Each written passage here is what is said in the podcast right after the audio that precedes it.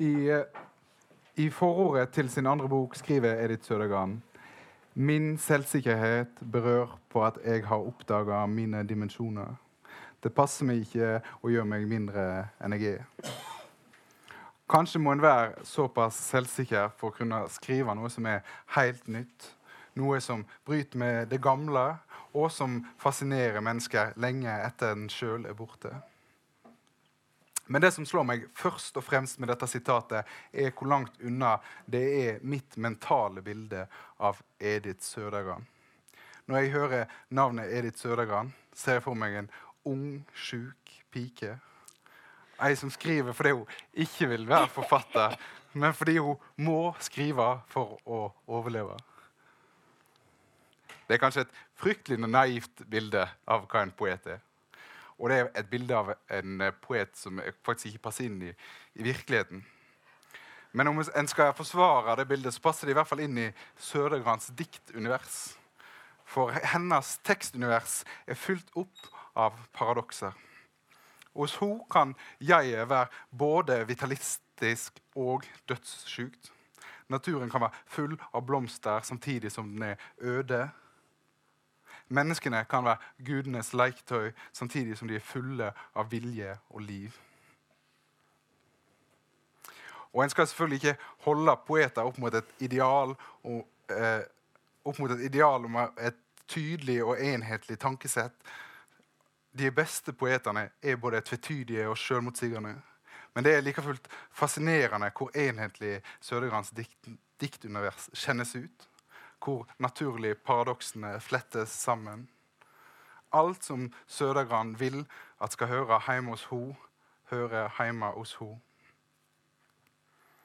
Edith Sødergran var en finlandssvensk forfatter, født 1892 og død av tuberkulose i 1923.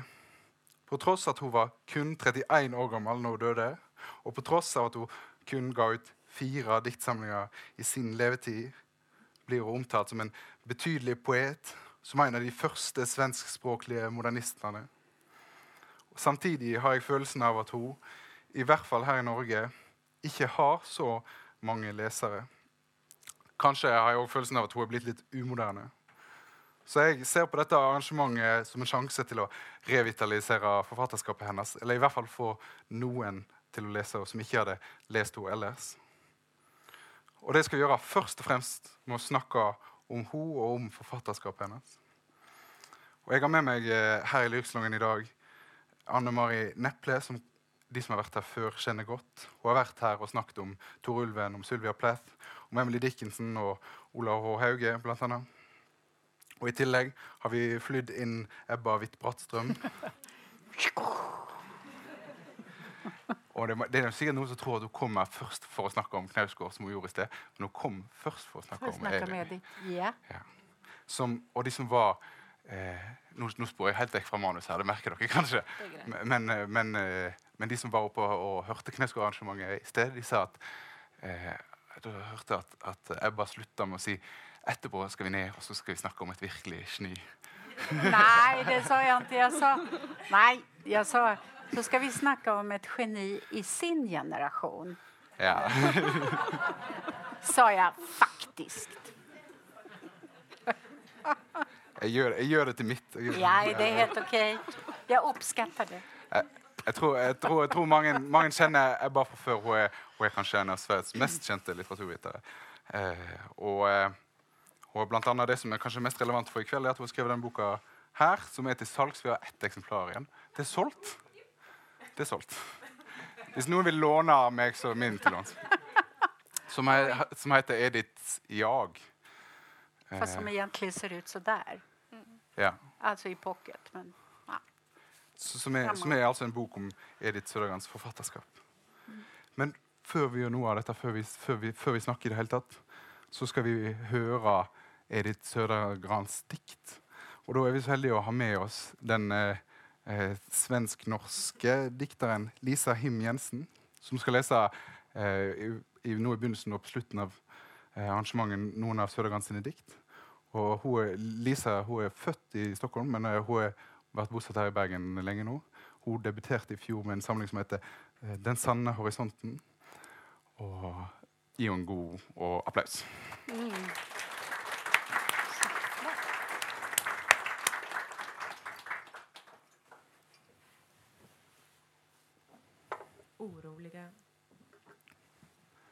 Oroliga drömmar. Fjärran från lyckan ligger jag på en ö i havet och sover. Dimmorna stiga och fly och vindarna växla. Jag drömmer oroliga drömmar om krig och stora fester och att min älskade står på ett skepp och ser hur svalorna flyga och känner ingen längtan. Det är något tungt i hans inre som icke kan röra sig. Han ser skeppet glida in i den ovilliga framtiden den skarpa kölen skära in i det motsträviga ödet. Vinga bära honom in i det land där allt vad han gör är förgäves. I det tomma och fåfänga dagarnas land långt borta från ödet. Vierge modern. Jag är ingen kvinna. Jag är ett neutrum. Jag är ett barn, en page och ett djärvt beslut. Jag är en skrattande strimma av en schalakansol. Jag är ett nät för alla glupska fiskar. Jag är en skål för alla kvinnors ära. Jag är ett steg mot slumpen och fördärvet. Jag är ett språng i friheten och självet. Jag är blodets viskning i mannens öra. Jag är själens frossa, köttets längtan och förvägran. Jag är en ingångsskylt till nya paradis. Jag är en flamma, sökande och check. Jag är ett vatten, djupt men dristigt upp till knäna. Jag är eld och vatten i ärligt sammanhang på fria villkor.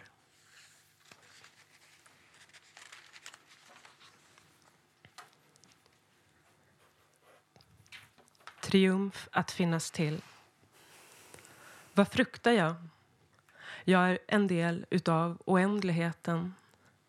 Jag är en del av alltets stora kraft. En ensam värld inom miljoner världar.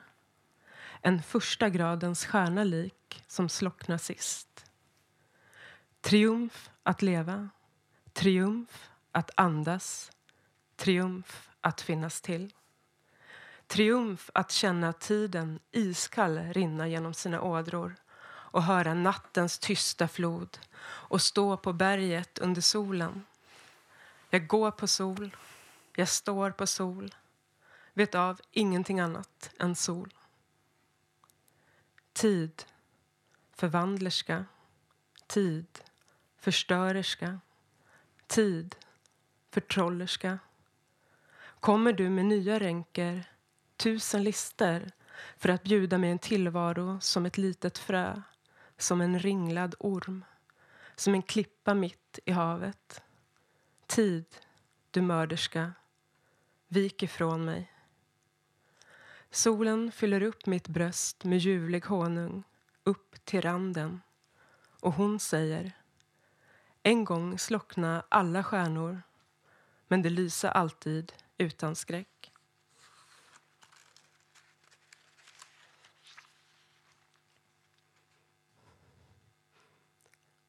Orfeus. Jag förvandlar ormarna till änglar, höjen edra huvuden, reser ner på skärten. En sekund och ingen väser mer. Sälla liggade vid mina fötter, drömbetagna, kyssande min mantels foll. Jag rör vid lyran. Det går en vind över jorden. Sakta, högtidligt, i tårar kyssande skönhetens livlösa marmorvita statyer på munnen att de slår upp sina ögon. Jag är Orfeus. Jag kan sjunga hur jag vill. Mig är allt förlåtligt. Tiger, panter, puma följa mina steg till min klippas häll i skogen.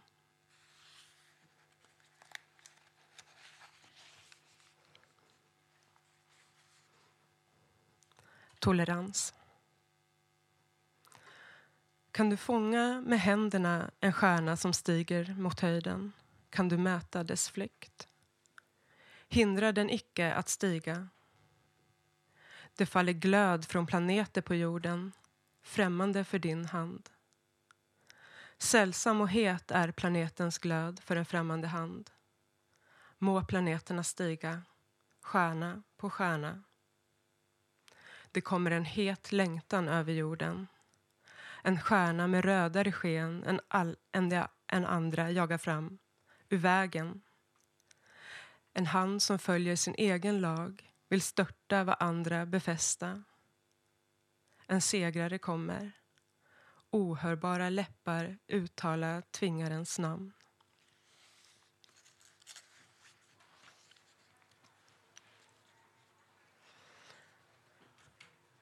Landet som icke är. Jag längtar till landet som icke är ty allting som är är jag trött att begära. Månen berättar mig i silverne runor om landet som icke är. Landet där all vår önskan blir underbart uppfylld. Landet där alla våra kedjor falla. Landet där vi svalkar vår sargade panna i månens dagg. Mitt liv var en het villa. Men ett har jag funnit och ett har jag verkligen vunnit. Vägen till landet som icke är.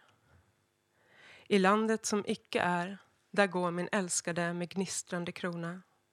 Vem är min älskade? Natten är mörk och stjärnorna dallrar till svar. Vem är min älskade? Vad är hans namn? Himlarna välvar sig högre och högre och ett människobarn drunknar i ändlösa dimmor och vet inte ett svar.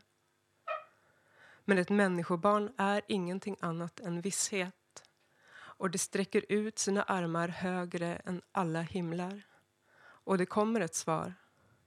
Jag är den som du älskar och alltid ska älska.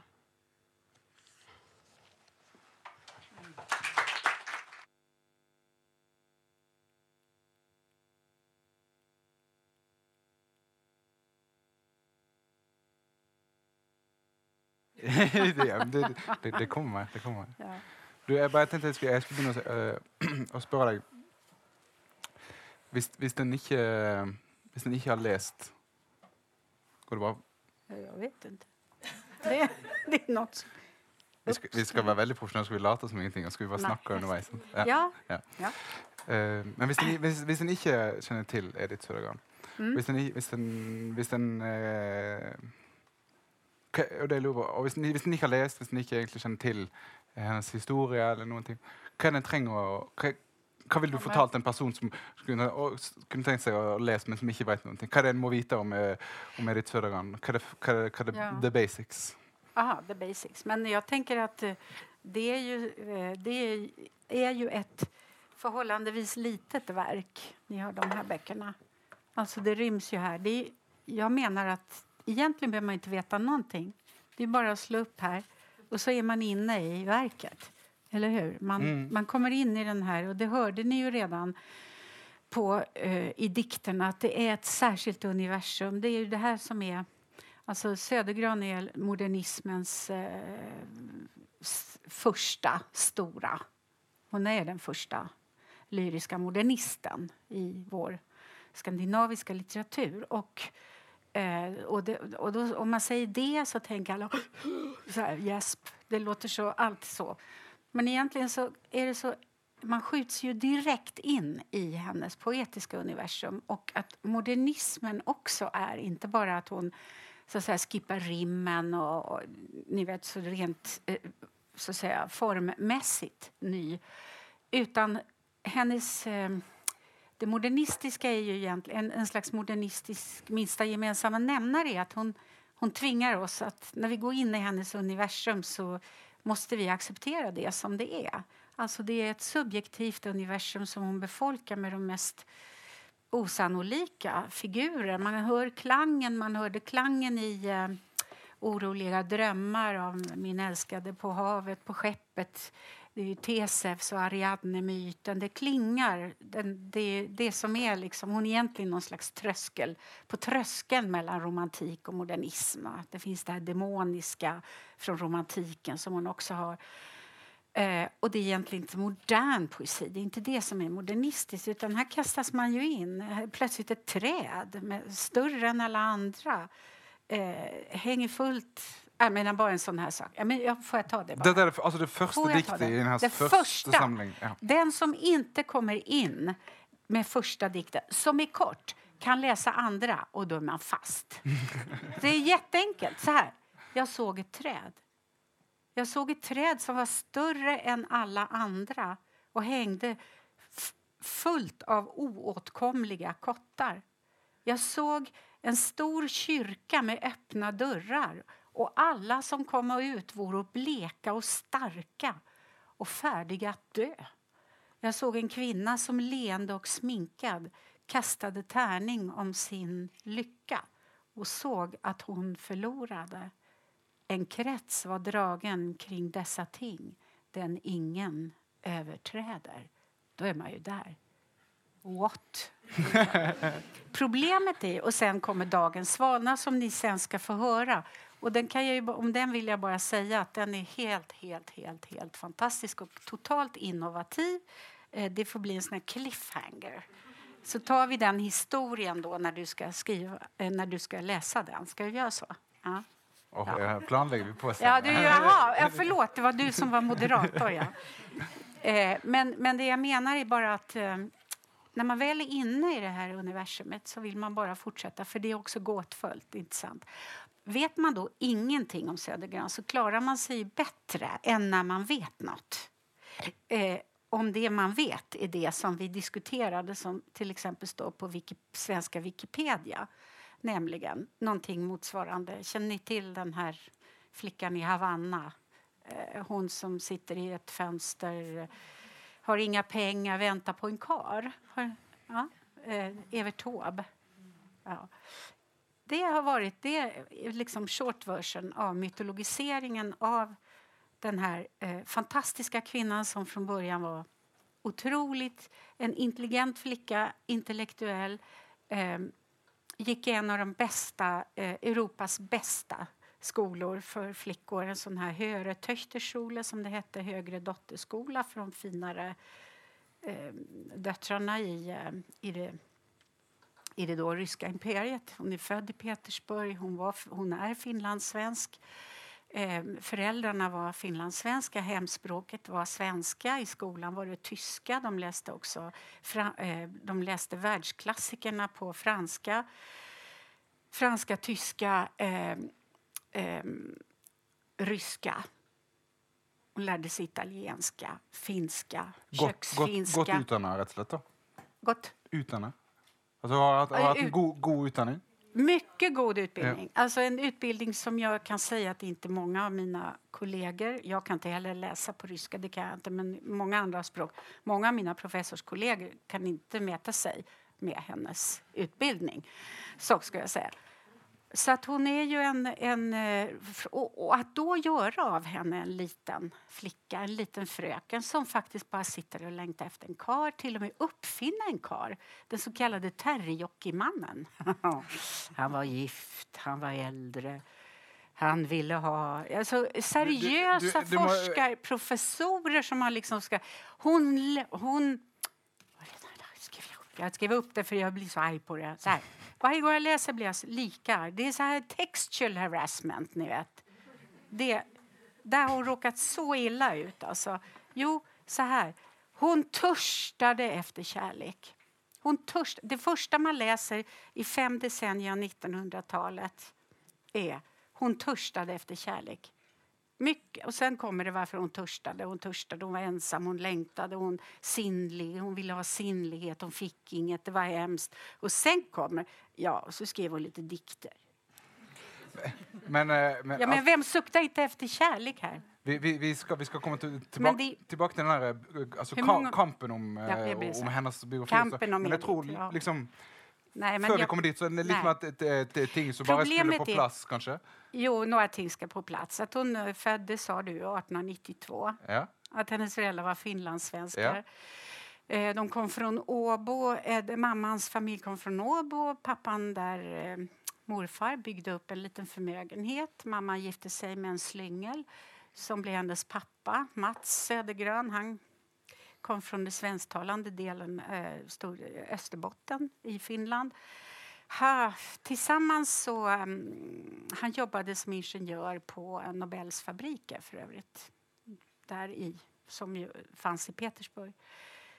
Um, han dog i tbc Ja, tuberkulos alltså? Ja, ja, tuberkulos. Och troligtvis var det så hon blev smittad. Å andra sidan var det en mycket vanlig sjukdom. Ja. Och, det var, och det som tog liv av Edith till slut? Ja, men ja. hon är en överlevare, påpekar Agneta Rahikainen, rent medicinskt. är hon en överlevare. För hon blir ju diagnostiserad vid är det 17 års ålder och hon lever till 31 det är ganska långt. Det här är ju så kallad ungdomssjukdom för folk dör ju tidigt med mm. Om de får den där i. Så, så, och, hon, eh, och det gör, de har pengar så att hon före, före ryska revolutionen har de pengar sen försvinner de såklart. Okay. Eh, och då, ja, då, Men kan, eh... då bor de i Finland. De flyttar till Finland. De har ett sommarställe i Raivola som i forskningen utmålas som någon liten bondby där hon satt ensam men som i verkligheten var ett litet kosmopolitiskt en liten kosmopolitisk småstad med, med både fabriker och läsecirklar. Och, eh, men, ja. men, men, men, kan du säga något om... Eh, eh, alltså, du, du sa att det var hos, hos den första eh, skandinaviska modernisten, i alla fall den mm. första svenskspråkliga eh, och säkert den första skandinaviska. Ja, Mona, ja. ja. Men, men, eh, men var det så att eh, alltså, alltså var detta något helt unikt och eget eller var det en del av ett eh, litterärt miljö? Eller, eh, kan du säga något om det? Mm.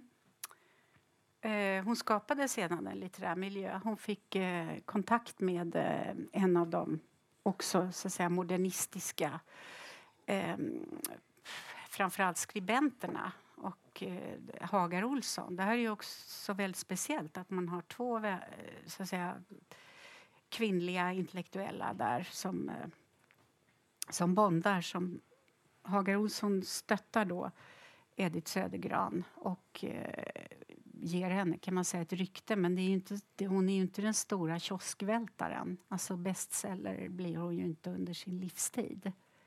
Men hon blir omtalad och eh, så småningom så skapas det en, en grupp med just de här eh, modernisterna som eh, vi har, de finlandssvenska modernisterna. Kan, alltså det är Elmer Diktonius, Henry Parland kommer sent, då är hon redan död. Men Elmer Diktonius är också en stor men kan det beskrivas som en slags en, eh, Södergrans disciplar eller liksom sådana ja. som kom, ja, att det var, ho, var hon som visste de vägen? Ja, det är Snövita och de sju dvärgarna. ja, och det är det faktiskt. Och hon influerar sen den svenskspråkiga modernismen. Alltså hon finns som klangbotten hos Harry Martinsson och eh, Gunnar Ekelöf blir helt besatt av henne. Han har ju en kärleksrelation till henne hela livet. Eh, Jungfrun i hans dikter är hon.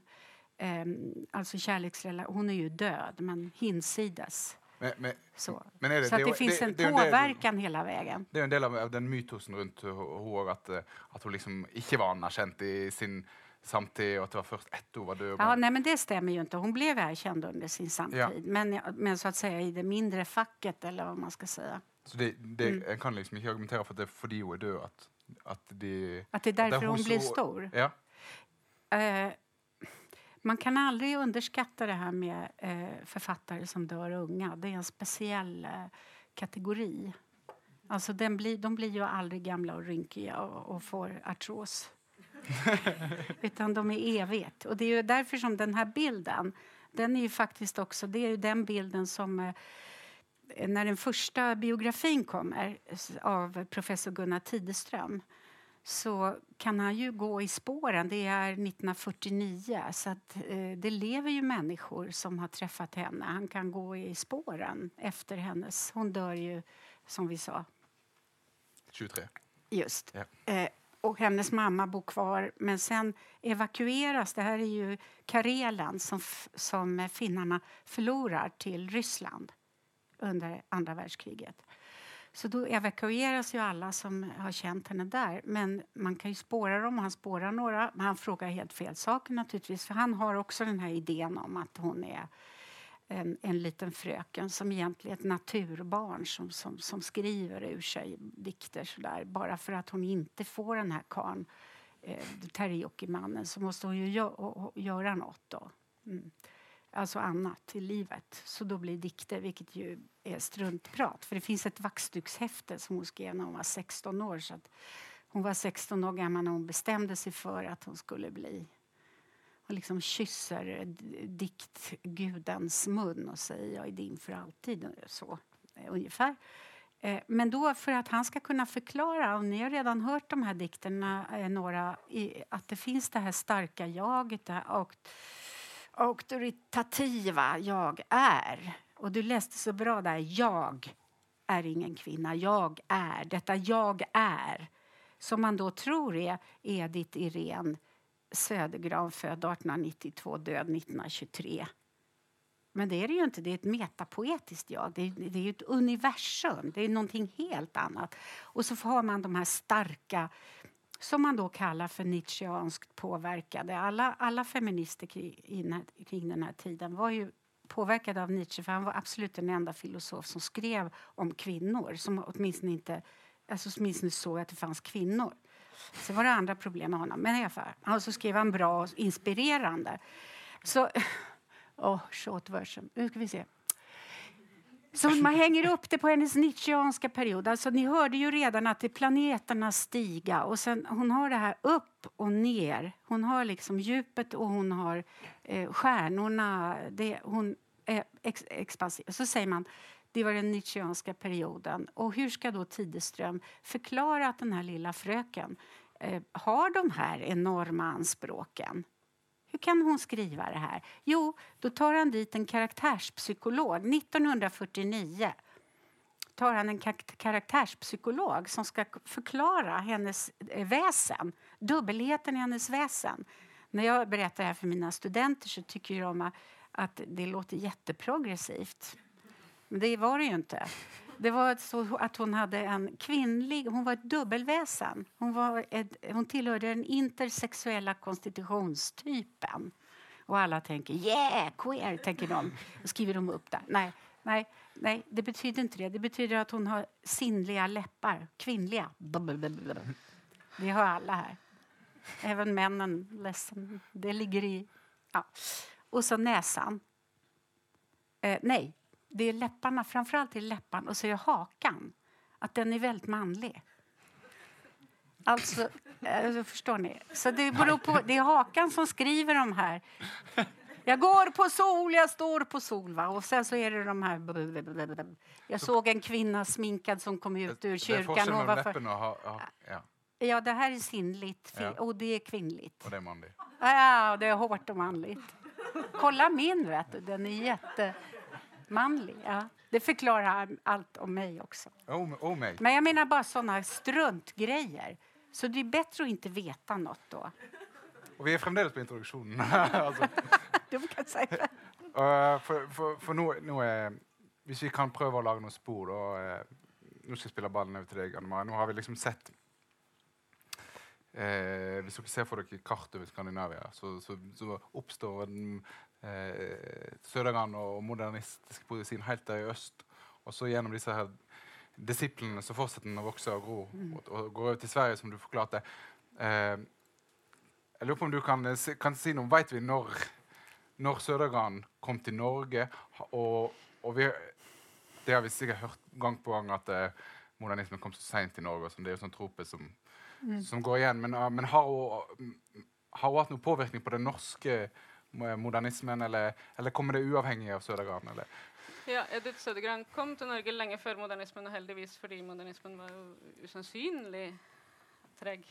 eh, i Norge. Altså, man krangla jo om det frie verset eh, lenge etter andre verdenskrig. Altså, det, ja. Men eh, vi vet at Edith Sødegran eh, ble introdusert i Norge i Samtiden, tidsskriftet Samtiden i 1929 av Hagar Olsson, som skriver en stor, bredt anlagt artikkel eh, hvor hun ser att här är den store modernistiske pioneren. Um, ehm, og så presenterer de mange dikt. Um, så det um, Sånn sett så var jo Norge var jo heldig sånn sett. da. De fikk en, de fikk en veldig engasjert, eh, positiv um, introduksjon til Södergran som da väldigt veldig mange. Så du kan si at alle um, norske store diktere um, ehm, med respekt for seg selv tente på det her. Um, ehm, uh, ehm, så man finner jo Sødegran som en referanse hos alle de store norske dikterne, sånn som Olav H. Hauge og Terje Vesaas. Haldis Moren Vesaas. Og da så er det Haldis Vesaas um, blir introdusert til uh, Sødegran samme år, altså i 1929. Og hun gjør da veldig mye for å formidle Sødegran i Norge. Skriver mange artikler over mange år og holder mange foredrag. Um, og hun er også nettopp opptatt av de her skapende kreftene hos Sødegran. Hun sier at uh, Sødegran hun, s- når hun snakker om den høyeste musikken, så er det summen av alle de positive kreftene i verden. Og nå, hun skriver det i 1948, da, nå hvis jorden skal bestå, så må man høre på Sødegran som sier at summen av de positive kreftene må bli større enn undergangskreftene. Så, sånn sett så er det den her kraften som finnes hos Sødegran, den fanger Haldis Moren Vesaas opp. Jeg synes jo det er spennende at du sier at når du leser introduksjonen i Septemberlyraen, så klarer du å knytte det til din forståelse av Sødegran, for det, jeg tenker det er jo nettopp min forståelse av Sødegran. At jeg tenker, hun er jo nettopp den som kan skrive det her. Ja, og jeg, jeg er nok sikkert litt sånn eh, eh, Fordi den, den som, som eh, vi, vi kan godt bare ta det nå, altså den der eh, biografiske eh, for, fortellingen om Edith Sødegran er jo det, er- det, er egentlig sånn, det er en sånn klassisk kunstnermytos, da. Med ung og, altså kvinner i tillegg. Altså, da, tuberkulose og sjuk i mange mange år, og så lider hun og skriver. Og, og det er kanskje spesielt den første boka eh, og, og disse etterlatte diktene og sånn, som har et sånn der, eh, dødslengsel. Og, Og Jeg må si det, det altså, eh, Nå var jo eh, for all del i, en sånn introduksjon så skal han jo spille litt djevelens advokat og spille opp litt ting. og sånn her. Eh, men, men, men det som står sterkt som meg fremdeles, det bildet av Edith Sørgan. For det var liksom det jeg hadde lenge før jeg leste henne. Og det var liksom det jeg visste om Edith Sørgan før jeg, før jeg leste henne. Eh, og dette her er noe som har blitt virkelig sånn liksom kraftig konstruert eh, i, i, i, i Sverige, kanskje først og fremst. Eller det, er- det er litt vanskelig for meg å skille mellom finsk, svensk og Sverige. her, Så beklager hvis det blir litt rot. Altså. Men blant annet gjennom en roman som kom uh, Edith, Bru eh, vad säger? Edith Brunner. Ah. Ernst Ja. Brunner skrev en roman när hon fyllde 100. Skulle ha fyllt 100. Eh, så 82. Och den heter eh, Edith. Det var då jag insåg att jag måste skriva eh, min bok. Eh, Ja, faktiskt. hans För jag måste Edith? reclaima Ediths jag. Den heter ju, min bok heter Ediths jag, som Men du hvis sa. vi tar, Ja. den, tar den etterpå, hvordan er hans Edith? Hans Edith, ja. Den, problemet med den boken är eh, att han har skrivit den i... Det blev en bestseller, det vill jag säga. Först vill jag säga det blev en bestseller. Den utkom lagom till julhandeln eh, 1982. Eh, jag var ute och pratade om Edith. Eh, jag blev kallad för att tala om Edith. Och det var kvinnor som hade fått den av sina eh, älskade män. I, åh, äntligen en roman om Edith. Hon älskar ju Edith. Den ska jag ge till henne som de hade kastat i skallen på sina eh, män. Alltså, för att den var så hemsk. Så problemet är att han skriver i första person. Det är därför jag måste ta tillbaka jag. Jag. Jag är. För när han skriver jag så är det en kvinna som längtar efter en kar som kräks och varar. Eh, det kommer ut massa och menstruerar. Eh, alltså det är mycket kroppsäckel i den här romanen. Och det går inte att citera en enda dikt utom en dikt eller två dikter som hon skrev till sin eh, tuberkulosläkare Axel von Bonsdorf som inte finns med i hennes författarskap. De finns med för att beskriva hur hon älskar vad ska man säga, hennes, den unga kvinnans begärelse efter den äldrebildade herren. Det, det är ju klassiska eh, vad heter det? Pygmalion-myten. Mm. Ja. Så eh, alla var väldigt arga på den. Jag var väldigt arg på den och, det, och jag tänkte att jag måste... Jag skrev en recension av den och sen dess pratade inte han med mig förstås.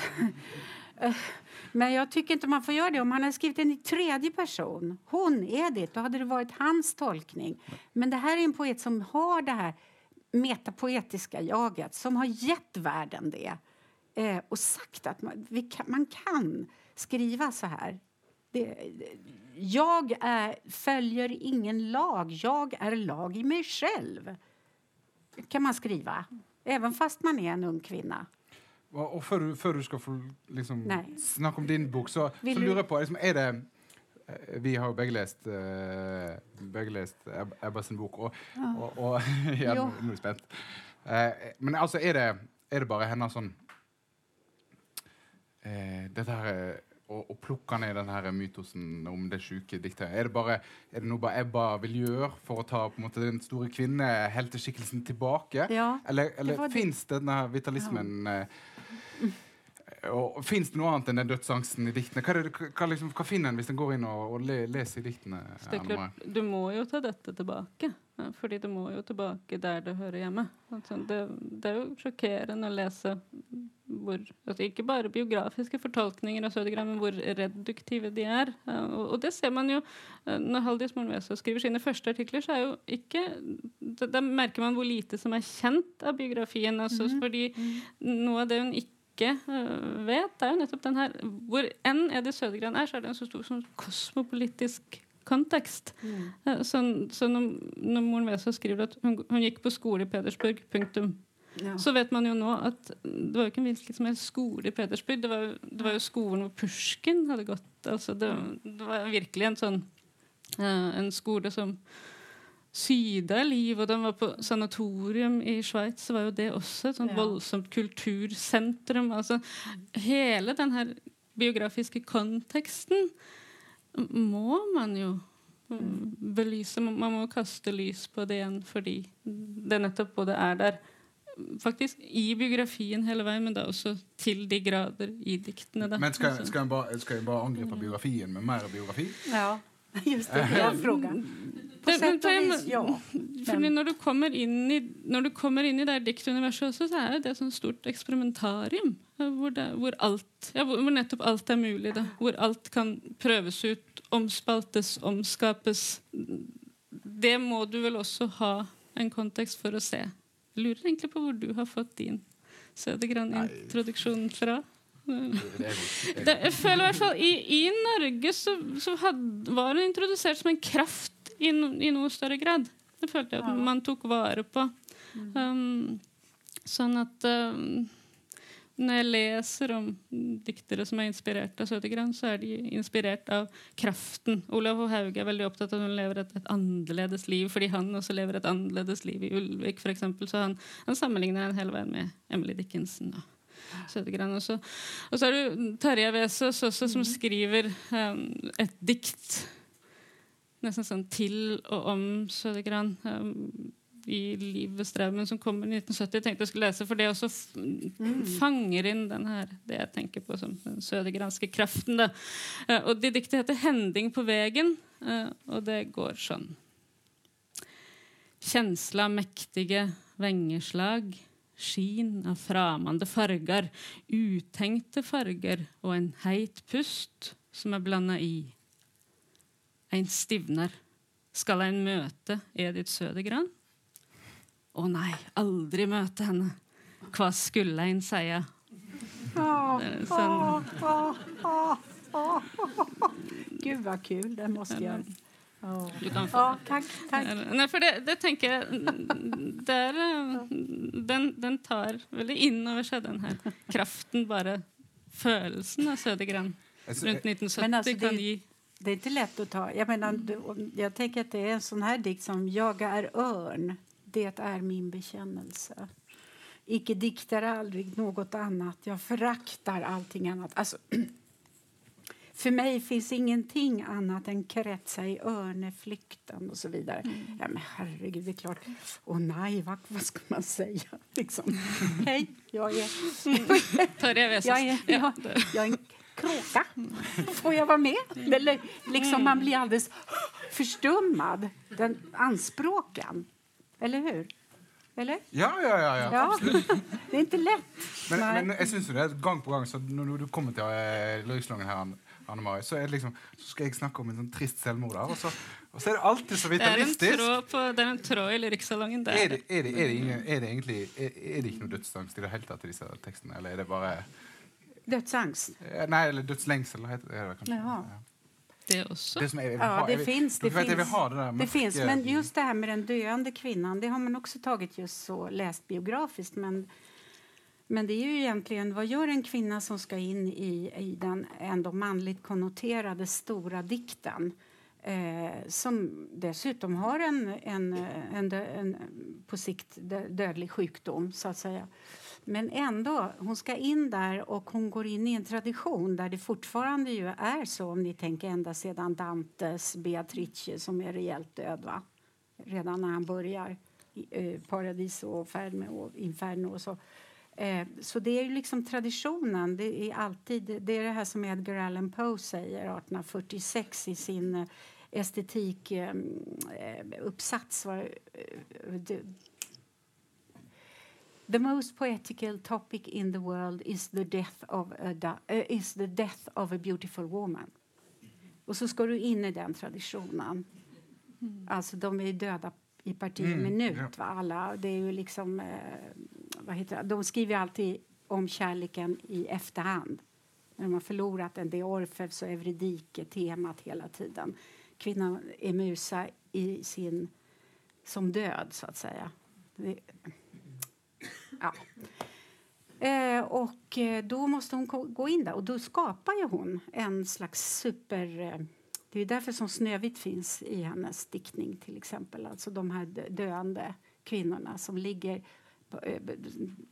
vad heter det, cellhet, alltså ligger på, på, eh, på en bår. De är döda men hon kramar, hon kramar eh, sina fötter. Hon kramar, eh, mina fötter kramas, mina tår kramar sig väl lustigt i, i silkesskorna. Alltså det är snövigt, snövigt, mm, snövigt. Mm. Det är hela temat, man ser det här temat. Men det handlar inte om att hon själv ligger och hostar på en brits i trädgården i Raivola. Utan det handlar om att hon hanterar ett poetiskt tema med väldigt stor inre, säkert eh, eh, satsning från hennes sida eftersom det också handlar om henne. Men inte om det här basala som Ernst Brönner skrev om att man får upphostningar och kräker, kräks och sånt utan, utan det är på en annan nivå. Och samtidigt så, så tar hon ju då liksom död på eller uppvärderar den här gamla eh, myten om kvinnan som ja, liksom eh, musan. Men, Helt enkelt, musa. Det är en musa som är hennes död eller levande. Men det, det är den sköna kvinnans, den sköna kvinnans död. Och, jag, får jag säga det här innan jag glömmer det? Ja, För att jag vill bara säga att det som jag gör i den där boken, och det var också det jag fick, eftersom du sa, är det bra med bio, går man emot biografin med mer biografi? Ja det var också en kritik som jag fick, så att säga, att det jag gör, och det gör jag ju i polemiskt syfte i den här boken, det är att jag försöker visa att hon, visst, hon var ett geni, ta, ta, ta, men hon var inte ensam. Och hon fanns i en kontext. Så den kontexten, och det har jag egentligen eh, fått från Birgitta Trotzig som skriver en fantastisk eh, essä om Södergran där hon talar om henne som en, att hon är en del av i den här rörelsen för eh, den nya människans livskamp, så att säga. Hon, eh, och så säger man kan bara använda samtidigt som. Och då kan man bara se att hon är en produkt av ryska revolutionen, eh, tvåspråkigheten, trespråkigheten som hon lever i eh, rotlösheten. Det finns också hennes diktning. Vad är mitt hemland? Är det, det för, för fjärran Helsingfors? Eller, ja. Så det finns ju hela tiden där. Vilket ju också gör henne väldigt modern. För det är det här som man säger, exiltemat som också finns. Det finns liksom allting eh, som vi ser så mycket av idag. Och sen är det ju att hon... Eh, första världskriget, eh, den e- europeiska kontexten att hon verkligen har varit ute i världen på ett annat sätt än de flesta här hemma så att säga vid den tiden. Och så är det den nya kvinnan som är ett jätt, en jätterörelse som fullständigt bara försvunnit i historieskrivningen. Nu kommer det tillbaka.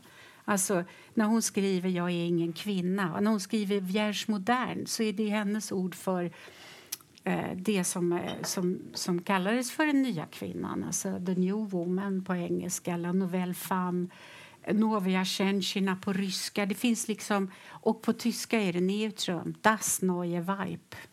Jag är ett neutrum. Alltså, hela tiden, det var liksom, hon avgudade Ellen Key, Selma Lagerlöf.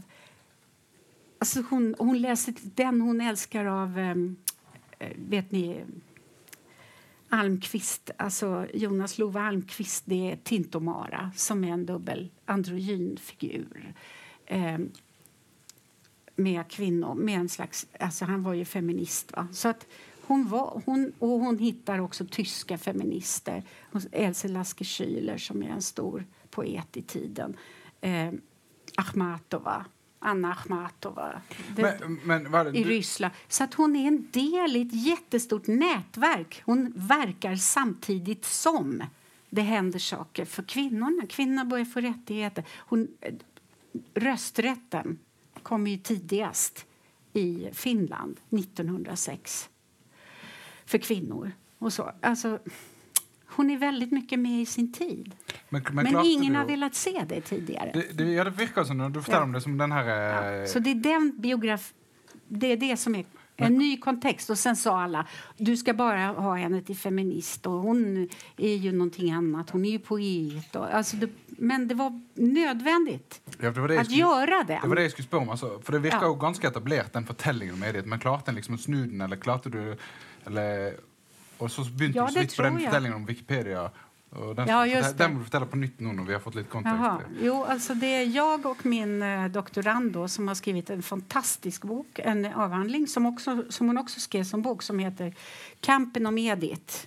Där hon går in i den my, myto Eh, biografisk. Alltså hon går in i myt, myterna och hur de...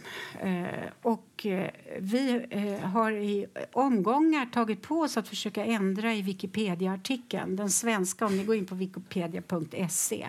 Nu vet jag inte om Agneta, det var Agnetas, eh, hon skulle göra det sista gången, kanske jag fastnat något. Men det är alltså någon som går och ändrar tillbaka. Alltså till och med den gamla biografiska läsningen? Ja, ja, ja. ja. Så att det finns alltså det är ett krig. va? Det är kampen. Alltså vi pratade om min kamp där uppe. Pjuff. Det här är kampen om Edith. Det är på allvar, än idag. Og det, og det ligner jo litt som vi har snakket tidligere om med Hofmorg. Eh, egentlig er det ikke visse likheter med den? Det er klart ingenting ligner på eh, Ingenting ligner på, ingenting ligner på Wikipedia. Kampen om Edith. Det er jo sjokkerende. Kanskje man burde prøve å skrive jo, inn på norske in så skal du få se. Kanskje man burde prøve å skrive det inn på norske Wikipedia i stedet? Som en sånn. Ja, just det. Det skal være som en motståndsficka. vi, vi, vi, vi, har ikke så mye, mye tid igjen, og jeg har lyst til å spørre deg, ja, Ann Marie, mot slutten her. Altså, Eh, jeg tror at eh, det fins et potensielt Sødergran-publikum mm. i Norge, men, eh, men, en, men blir ikke lest i, det, i, noe særlig grad. Jeg, jeg, jeg er veldig sjelden opp med å diskutere Sødergran, f.eks. Når, når jeg diskuterer med mine forfatterkollegaer, eller hva det nå skulle være. men jeg bare litt på hva, hva, er den beste grunnen til at en skulle lese Eller at en bør ta seg tid til å lese Sødergran? Hva er, det, hva er det som fascinerer deg mest med verket? Man må jo til den store diktningen for å se hva dikt virkelig kan gjøre. Altså, det er jo først når du er liksom inne i virkelig stor poesi, at du blir tatt av et sånt uh, under på hva altså, Dikt er så fascinerende, for det er så veldig få ord. Eh, på en side. Og så kan de ha så utrolig kraft. Eh, det, var, det er virkelig stor poesi som har det, og Sødegran har jo det altså, fra start. Alltså hela vägen. Att det är sån, bara, bara när du ser på Septemberlyran som kommer i 1918, dateringen av diktene där, och det plötsligt står sånn september 1918, september 1918, och du skjønner liksom att september 1918 har varit en sån våldsam, sån inspirerande månad. Och då, då glömde jag ändå säga det var ju inbördeskrig i, i Finland då. Ja. Just 1918. Mm, Og, og nettopp det at, sånn, at her er det en, en individuell lidelsestematikk som kobles mot en kollektiv lidelsestematikk. Altså det, er, det er så stort, spennende, og det er, det er både personlig og historisk. Og nå har man jo, jeg tenker, nå er man jo veldig heldig, fordi man har en veldig, eh, veldig god Södergran-resepsjon etter 90-tallet. Jeg har jo lest både uh, Ediths jag, som alle burde lese, og Agnete Reikans 'Kampen om Edith'. som også er, jeg tenker, Ja, alle Det burde. slo meg også nå at Södergran er jo en av de poetene som har fått en uh, virkelig velskrevet, engasjerende resepsjon. uh, som, som, man, som, som det også er en sånn sann glede å lese det. Um, men man må, jeg tenker norske lesere kjenner nok Edith Sødgran gjennom dagens Valner, fordi den er pensum på alle eh, litteraturstudier på, på 100-nivå.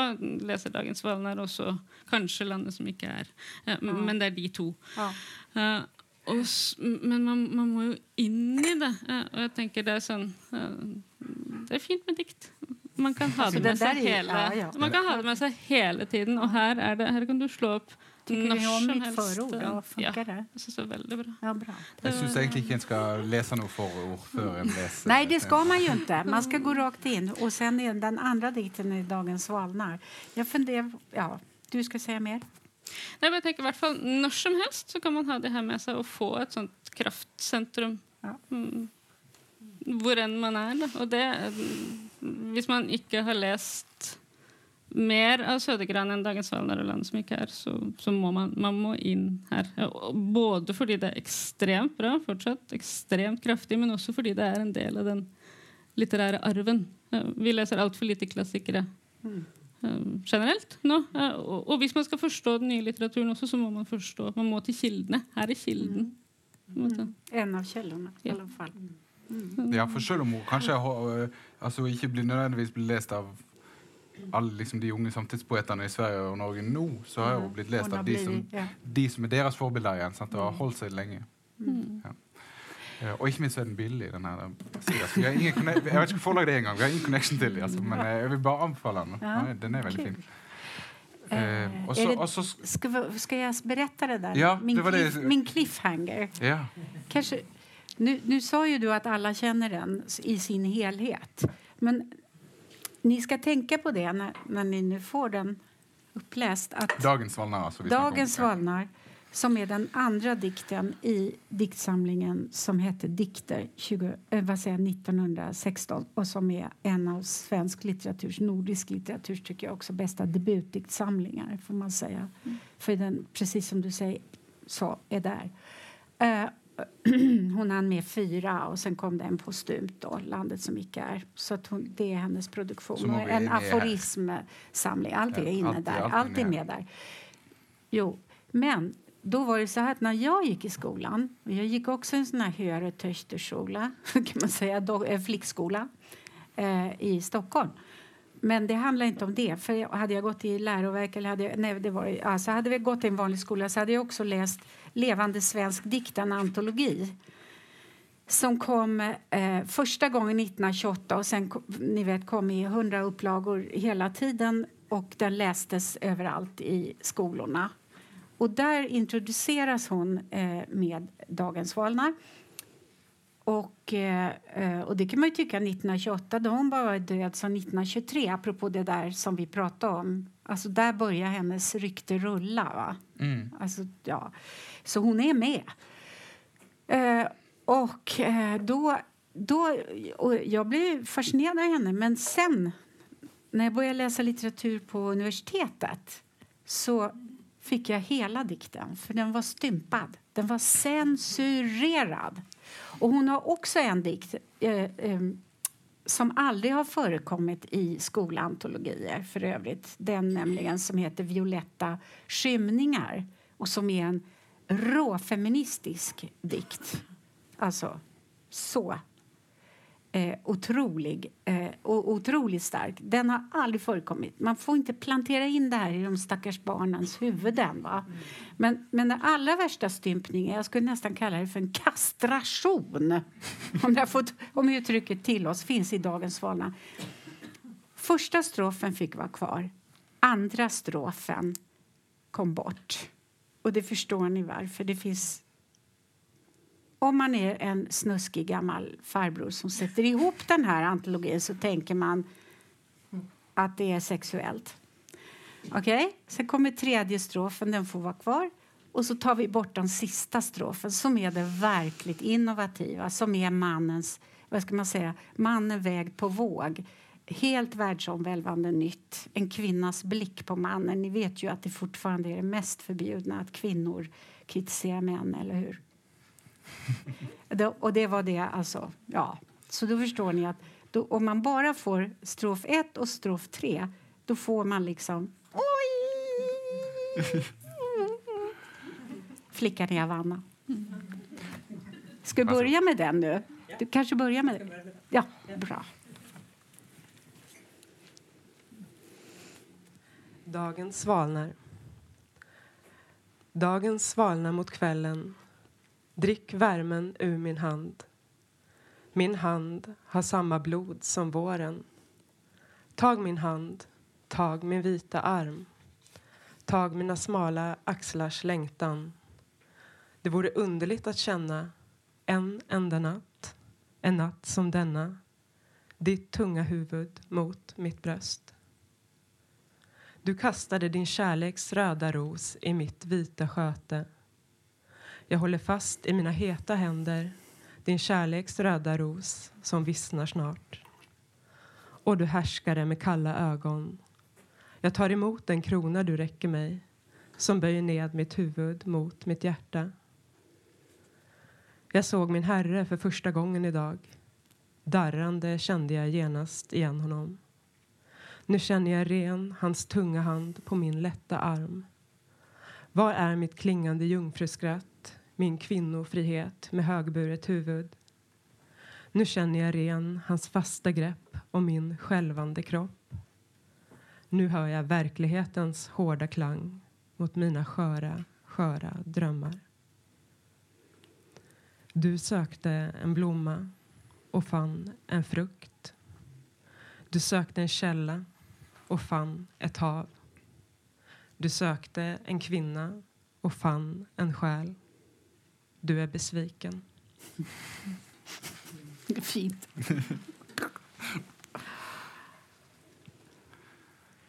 Varför gavs mig livet? Varför gavs mig livet att blixtra förbi allt folk i en triumfvagn oupphinnerligt snabbt som ödet utan vett och vilja längtande efter mer? Varför gavs mig livet att med ringprydda händer fatta den skimrande skålen den frambesvurna, törstande efter mer. Varför gavs mig livet att gå som en magisk bok från hand till hand brännande genom alla själar drivande som en eld över askan törstande efter mer.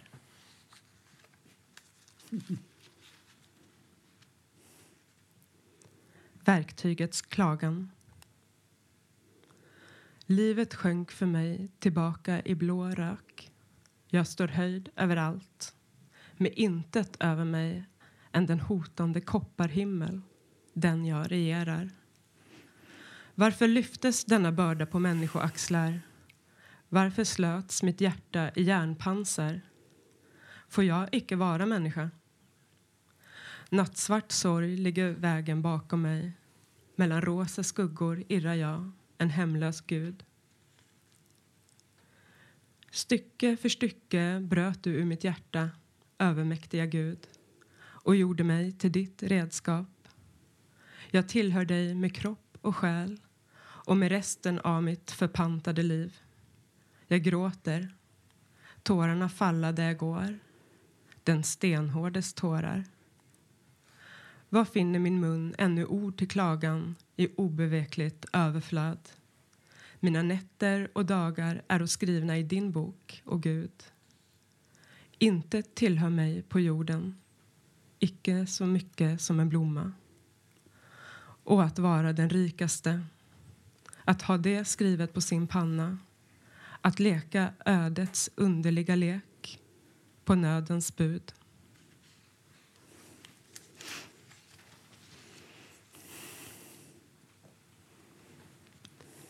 Ensamhet. Det är så få bland sanden i havet som förstår det. Ensam har jag kommit, ensam ska jag gå. Mitt fria hjärta har ingen broder. Kristna spöken sitta i alla hjärtan och sträcka ut armodets händer. Den sötma som strömmar till mig från alla håll är eder otillgänglig. Det är tronens underbara ensamhet. Det är rikedomen, rikedomen som böjer knä.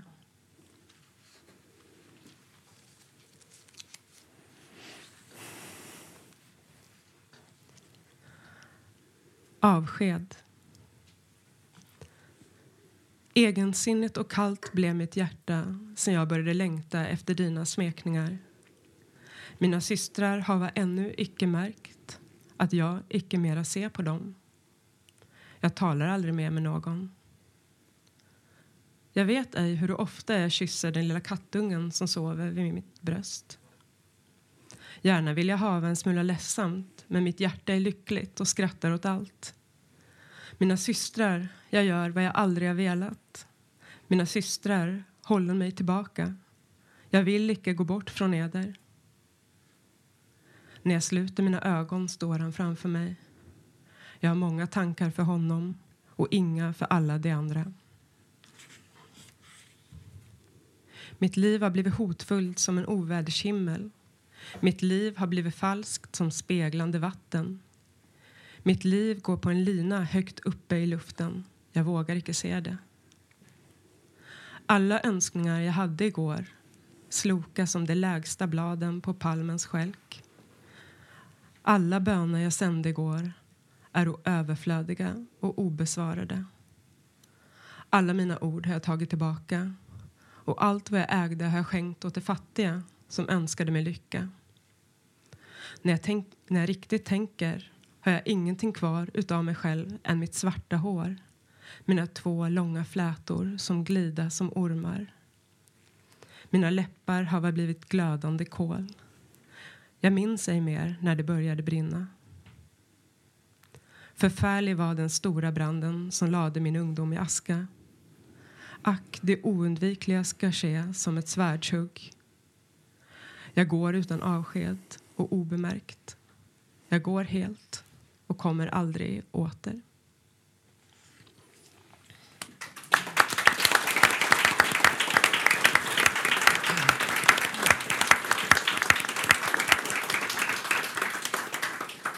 Eh, da må jeg, vil jeg bare si helt til slutt eh, tusen takk til eh, Ebba og til Anne Mari og til Lisa som leste. Og så må jeg si at eh, Lyrikksalongen er et månedlig arrangement her på Litteraturhuset. Og en podkast. Hvis dere søker på Littpod, så finner dere tidligere uh, eh, utgaver om, om bl.a. flere med Anne Mari, der vi snakker om store, store diktforfatterskap. Eh, vi är sponsrade av, eh, av, Litteraturhuset i Bergen, vi är av Bergen kommun och vi är av Fritt Ord. Har jag glömt någon av det? upp. Eh, og eh, vi är tillbaka 28. februar. Da skal vi snakke om den franske poeten Claude Royer Journaux med hans oversetter eh, Jørn H. Sværen og eh, den store Royer Journaux-fan, poeten Henning Bergsvåg. Så vi ses da. Eh, vel.